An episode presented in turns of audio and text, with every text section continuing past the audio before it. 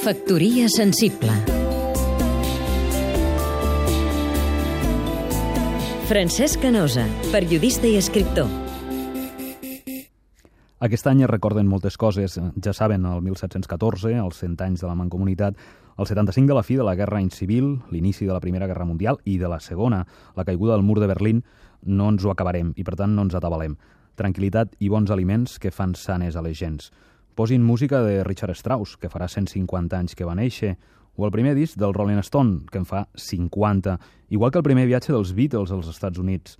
Aturem-nos per mirar els cartells de Toulouse-Lautrec, que va treure el cap fa 150 anys. Correm cervell enllà amb els quadres de Dalí, que fa 25 anys ens va deixar, i aterrin la vista als versos d'en Joan Vinyoli i el seu centenari. I si no, caminin cap a Collur, on Machado va ser enterrat fa 75 anys.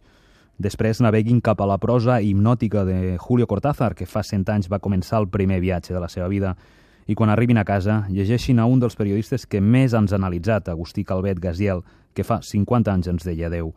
Després de la teràpia, somriguin amb el primer film de Charles Chaplin, ara fa 100 anys.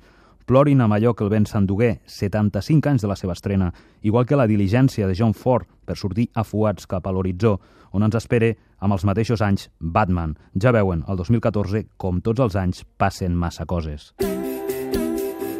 Factoria sensible